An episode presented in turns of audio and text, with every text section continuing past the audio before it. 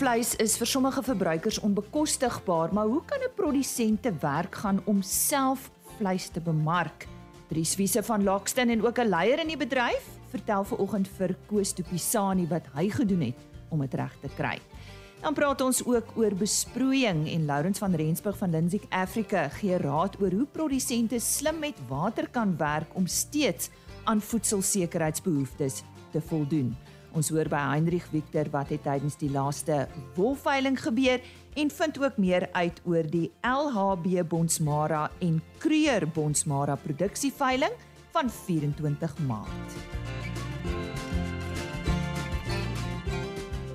Dis dan wat jy te wagte kan wees op RC Landbou vir oggend. My naam is Lise Roberts en 'n hartlike goeiemôre.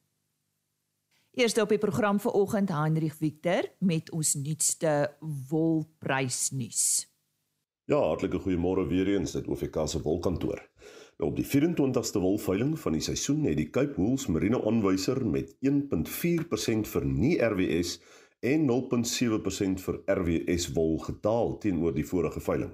En teen 'n skoonprys van R169.65 per kilogram en R199.36 per kilogram onderskeidelik gesluit. Die Australiese EMI het ook so 0.4% sterker uh verhandel in die uh afgelope veiling en dit teenoor die vorige veiling. Nou die daling kan hoofsaaklik uh, toegeskryf word aan die versterking van die rand van so 1.5% teenoor die vernaamste geldeenhede tydens hierdie veiling. Die grootste gedeelte van die aanbod het bestaan uit fynere mikron goeie lengte wol met 52% van die merino wol aanbod wat bestaan het uit gesertifiseerde wol. Die grootste verandering die week was in die 20 mikron segment met 'n algemene daling van so 3.8%. Die grootste kopers op hierdie veiling was Modiano SA, gevolg deur Lempriere SA, Standard Wool en Tianyu SA. Nou die gemiddelde skoonwolpryse vir die seleksie binne die verskillende mikron kategorieë goeie lang kamwol of MF5 tipes was soos volg. En soos gewoonlik onderskei ons weer tussen nie RWS en RWS gesertifiseerde wol. 17 mikron Nie RWS wol verhandel teen R295.38 per kilogram. RWS wol verhandel teen R330.36 per kilogram en die verskil daar was 11,8%. 18 mikron. Nie RWS R249.55 per kilogram. RWS wol R275.39 per kilogram met 'n verskil van 10.4%. 19 mikron. Nie RWS wol R192.95 per kilogram. RWS wol R234.01 per kilogram met 'n prysverskil van 21.3%. 20 mikron. Nie RWS wol R162.36 per kilogram. RWS wol verhandel teen R201.76 per kilogram en die verskil daar 24.3%. 21 mikron. Nie RWS wol R158.40 per kilogram terwyl RWS wol verhandel teen R189.49 per kilogram met 'n verskil daar van 19.6%. En dan laastens 22 mikron. Nie RWS wol verhandel teen R147.38 per kilogram. RWS wol verkoop teen R184.16 per kilogram met 'n allemintige verskil van 25%. Nou ja, uh die volgende wolveiling is dan geskeduleer vir 16 Maart waar sowat 7041 bale aangebied sal word. Voorwaar so effense kleiner veiling as wat ons pas uh op die laaste een gesien het. Dit dan ons storie hierdie week. Tot ons weer gesels alles wat mooi is en mooi loop. Ons dank aan Heinrich Victor vir daardie wolmark verslag. Ons vind nou meer uit oor die LHB Bonsmaras en Kreur Bonsmaras produksieveiling van 24 Maart en ek gesels met Skalk van der Merwe. Skalk, goeiemôre. Sê my nou eers, ehm um, dis nou twee van julle, jy en Frikkie Kreur wat uh, hierdie veiling aanbied. Uh, stap julle al lank al 'n pad saam met veilings? Ja nee, Lise, ehm um, oom Frikkie is al baie lank in die bedryf, seker al ouer as 30 jaar. Ehm um, Uh ek is maar nog jonk, ons het 2009 begin en ek dink dit is nou my 6 of 7de veiling wat ek en 'n frikkie saamhou hier by ons. En ook in Oktober by hom hou ons ook 'n veiling saam. Ek verneem so uit hy het my daarvan vertel. Sê vir my Bonsmaras, is hulle maar altyd deel van jou lewe? Nog altyd van kleins af. Ja, maar nog altyd 'n klomp rooi koeie erns daar. Jy sê dit word aangebied by is dit Leeu Heuvel? Is dit jou plaas? Ja, dis op Leeu Heuvel. Mm.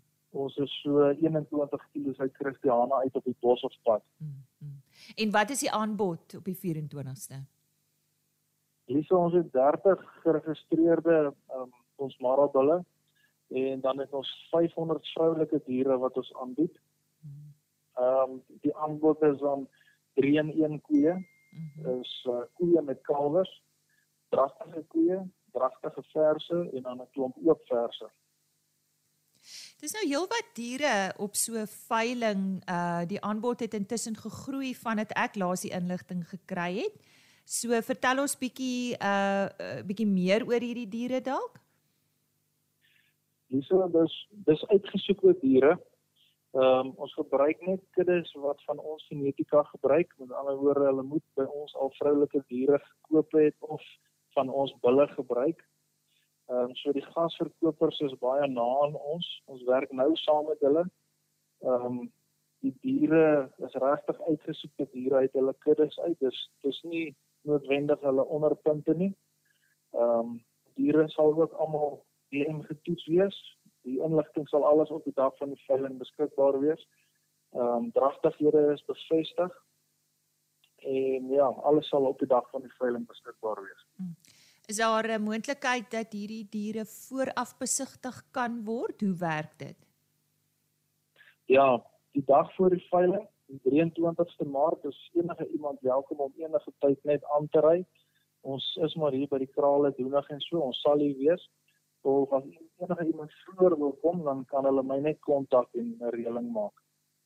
En wie bied hierdie veiling vir julle aan? Ons werk saam met Vleis Sentraal wat die veiling vir ons aanbied en dit is uh, Vleis Sentraal in Bloemfontein, is ek reg?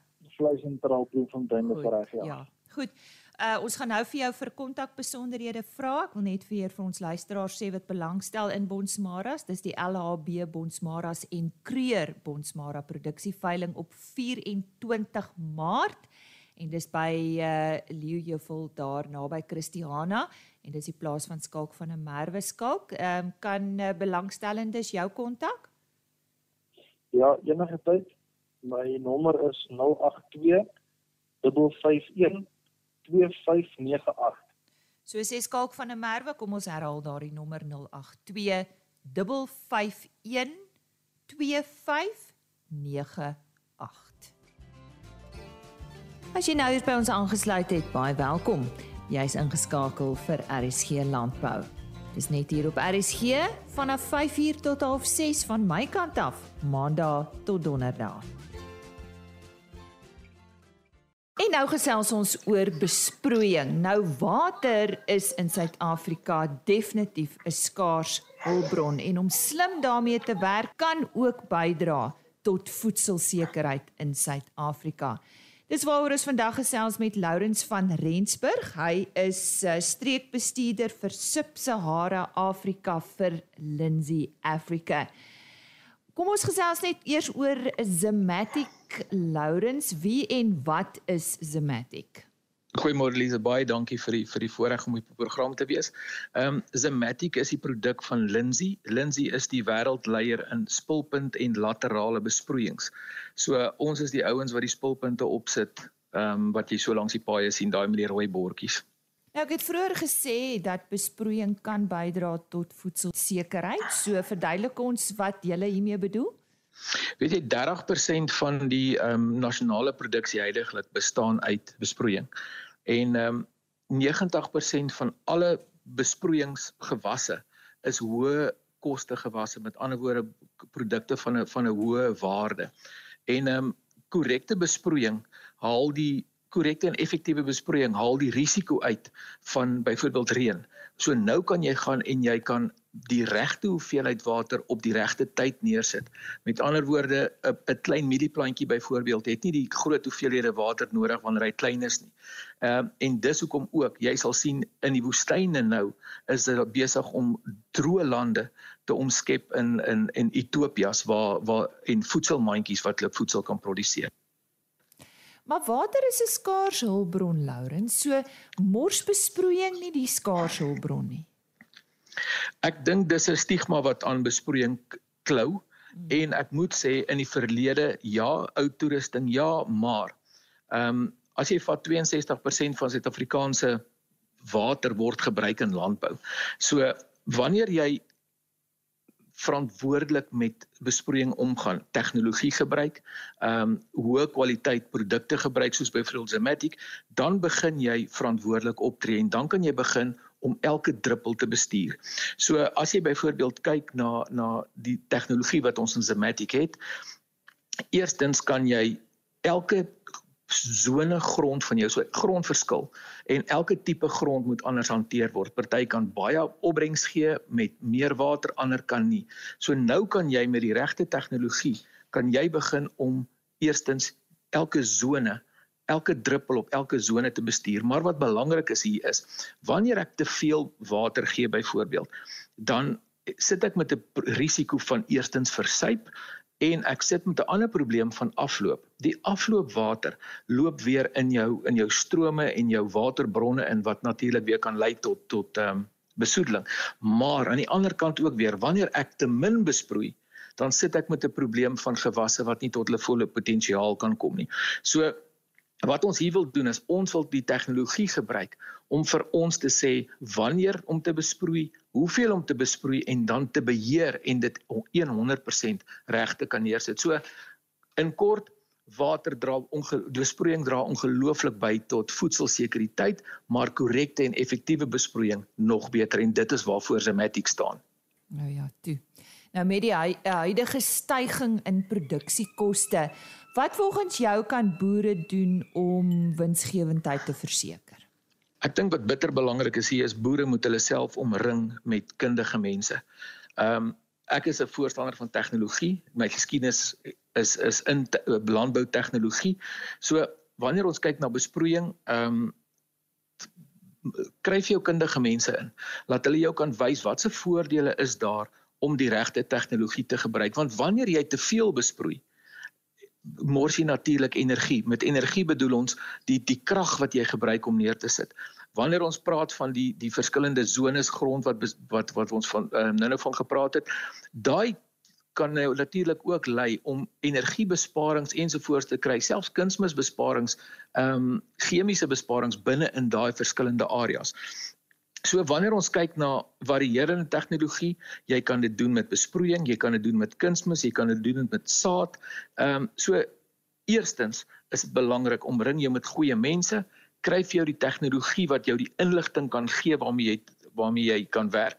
Ek dink byvoorbeeld vinnig aan 'n aan 'n konferensie waar waar ek die week was waar Thomas Strydom gepraat het van Sion Agri waar hy gesê het selfs net om kunsmis in die regte op die regte stadiums neer te sit kan jy jouself ongelooflik baie spaar. So my eerste raad sal wees kontak 'n deskundige, omring jou met suksesvolle mense.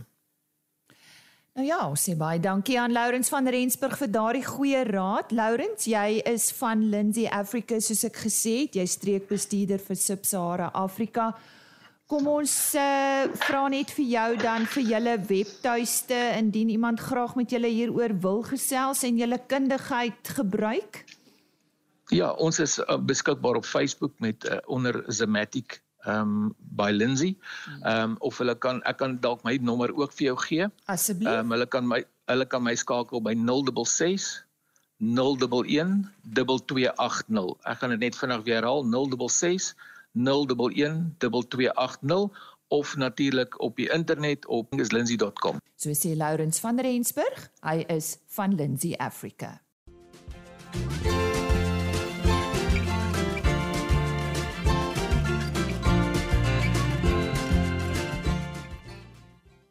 Mens wonder dikwels of daar nog 'n plek in die mark is vir skaapvleis.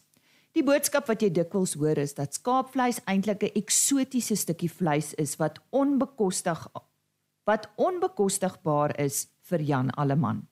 Tydens die onlangse Holliston skou het Koos de Pisani vir Dries Wiese, 'n groot skaapboer uit die Lockston omgewing en leier in die bedryf raakgeloop en in 'n informele gesprek vir hom gevra hoe kan vleisprodusente te werk gaan om vir 'n beter prys te beding.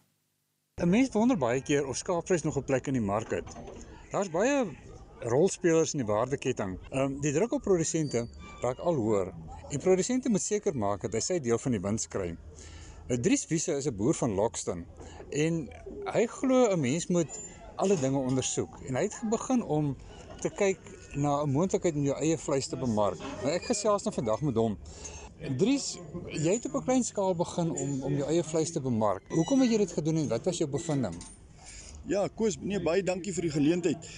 Jy weet dis baie interessant. Ehm um, dis algemeen bekend dat die Suid-Afrikaanse boer van die swakste bemarkers in die wêreld is.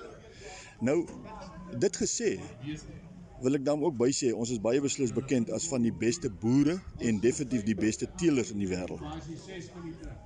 Maar as gevolg van 'n klomp negatiewes rondom die ou apartheidstelsel het ons boere nooit geleer om te dink nie. Nou ek is 'n boer of 'n produsent, ek wil nie eintlik 'n boer genoem word nie, ek is 'n produsent. Ek spandeer 80% van my tyd in 'n voertuig, in my bakkie om op die plaas rond te ry inspeksies en goeders te doen. En ek het baie tyd om te dink.